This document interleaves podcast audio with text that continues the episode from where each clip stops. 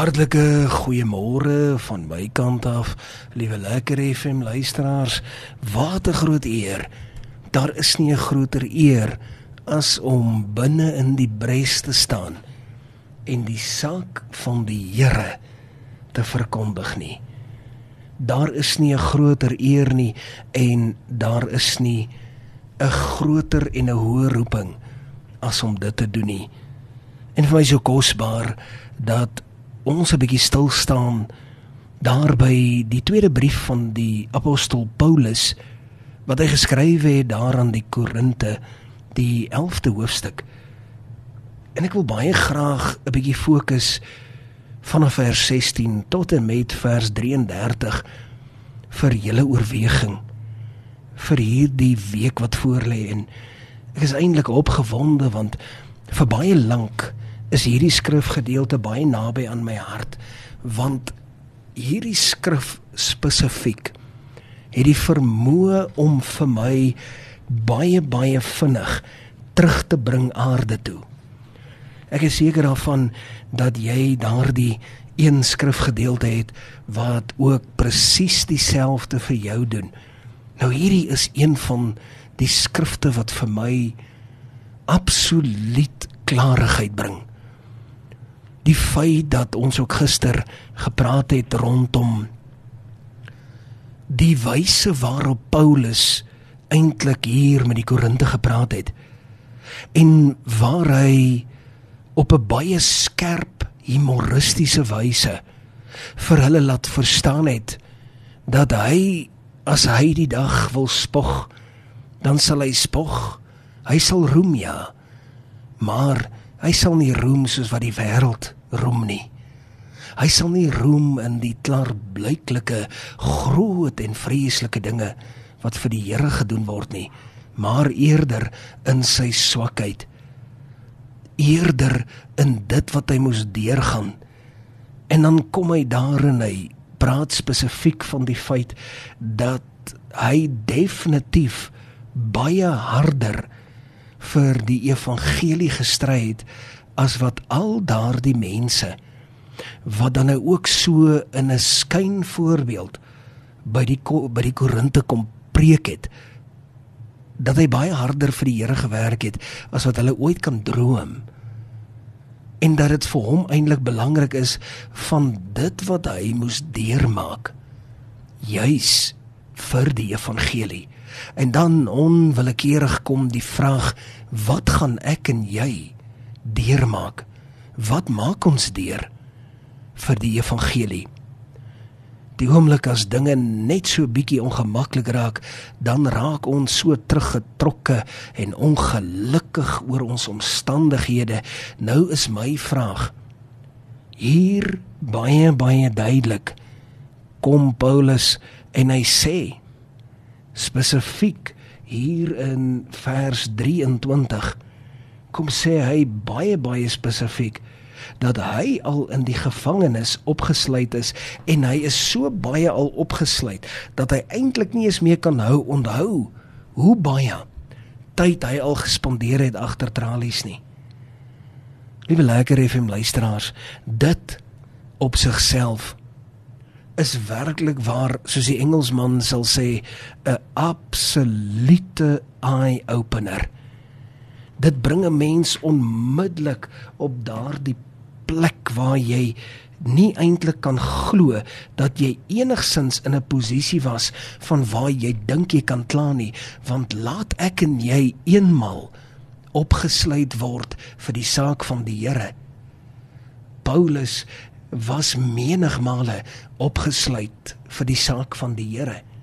En dan wat meer baie meer merkwaardig was is die feit dat terwyl hy opgesluit is het hy nie gemurmureer ongelukkig gewees in 'n tipe van 'n neerslagtigheid en 'n depressiwiteit verval het nie nee nee Nee, in daardie tyd het hy briewe geskryf vir al die gemeentes, hy het briewe geskryf vir sy vriende en hy het hulle bemoedig en hy het vir hulle gesê hoe wonderlik is dit as hy hoor dat hulle die werk van die Here so getrou doen.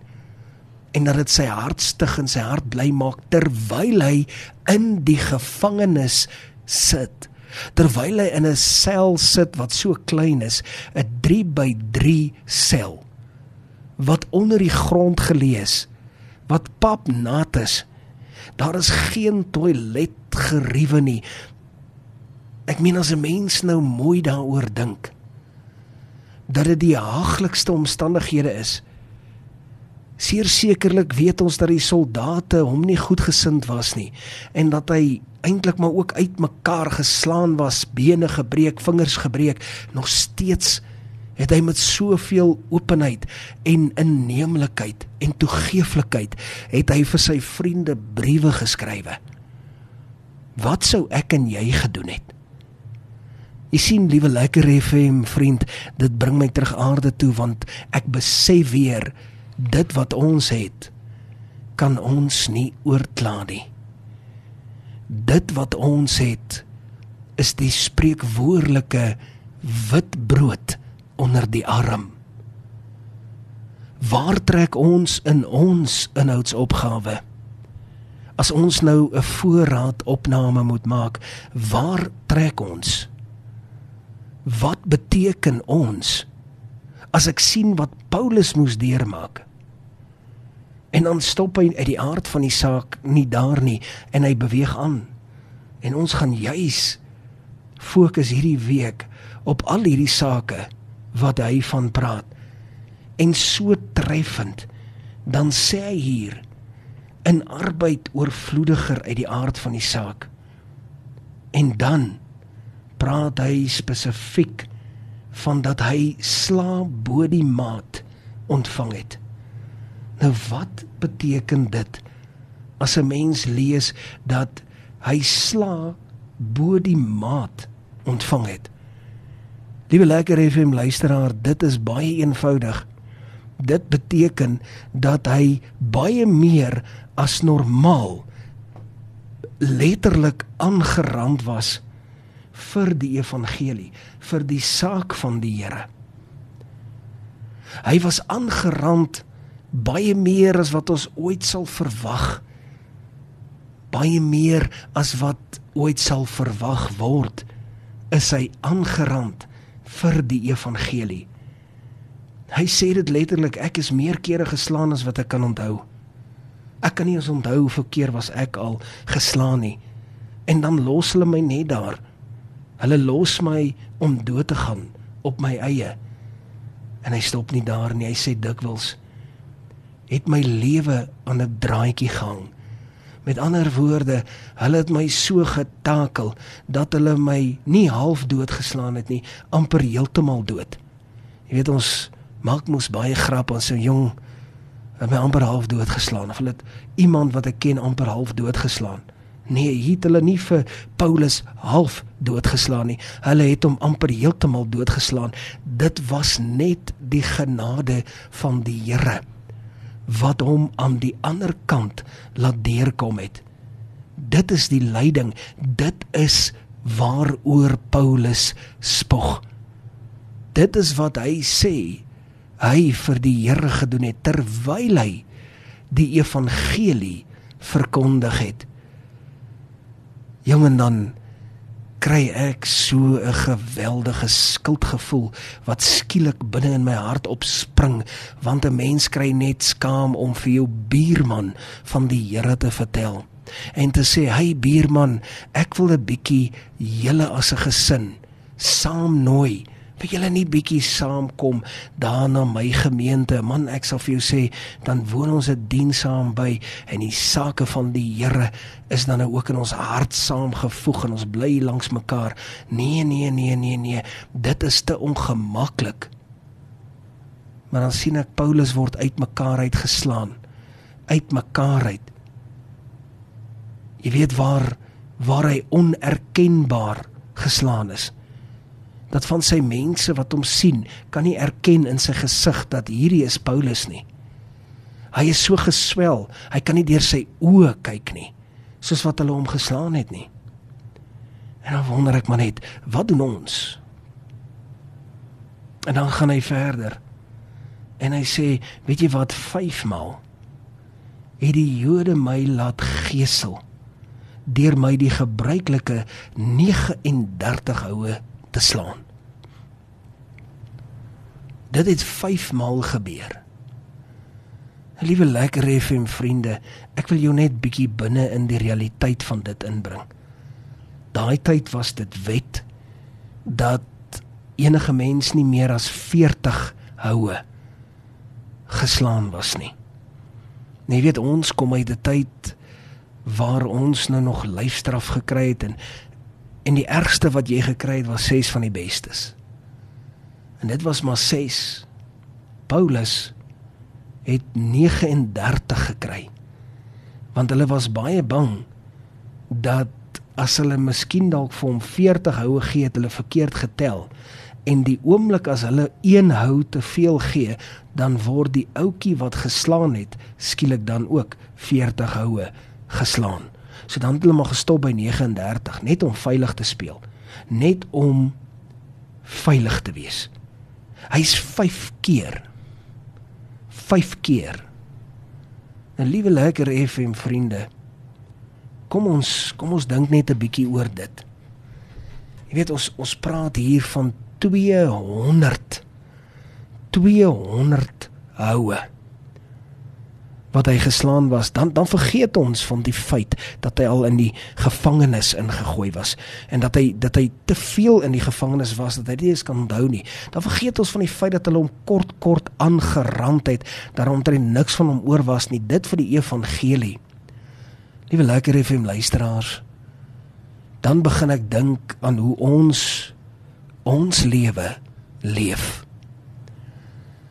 En dan begin ek regtig skaam kry dat ons die minimale nie eers wil doen nie of dat die minimale is is vir ons te veel. Die minimum is te veel. Die oomblik wanneer ons dalk net eenmaal of tweemaal in 'n maand vroeg op 'n Sondagoggend moet opstaan en saam met die gelowiges die Here gaan loof en prys. Nee, ek sal eerder in daardie tyd wil slaap. Die oomblik wanneer ons moet getuig, dan is dit te veel moeite. Die oomblik wanneer iets vir my te duur raak, die oomblik wanneer dit aan my sak vat, die oomblik wanneer iemand vir my vra of ek nie 'n uitreiking sal ondersteun nie. Jong, weet jy wat, dan kry ek skielik te min geld. Maar ook altyd baie ironies. Gaan praat met daardie selfde persoon dan sal jy hoor maar hulle doen baie goed, hulle het een van die hoogste poste. Dan is daar weer baie. Dit laat my skuldig voel dat die saak van die Here nie prioriteit gegeen word nie, liewe lekker FM vriende. En mag ons waarlik waar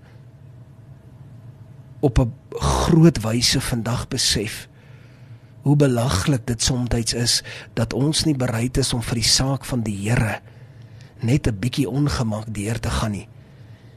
En weet jy wat, liewe lekker FM luisteraars, ek is nog nie eers naaste by deur nie. Ons is nog besig om alles te noem. Jy gaan nog geskok wees met dit wat ek vir jou hier gaan oopbreek. Mag die Here ons in hierdie week lei dat ons werklik kan sien dat ons eintlik maar baie sag geword het en dat ons weer opnuut sal sê Here, maar ek steek my hand op. Ek wil iets vir U beteken. U is die groot koning. En ek wil graag gehoorsaam aan u wees. Tot sover die woord van die Here.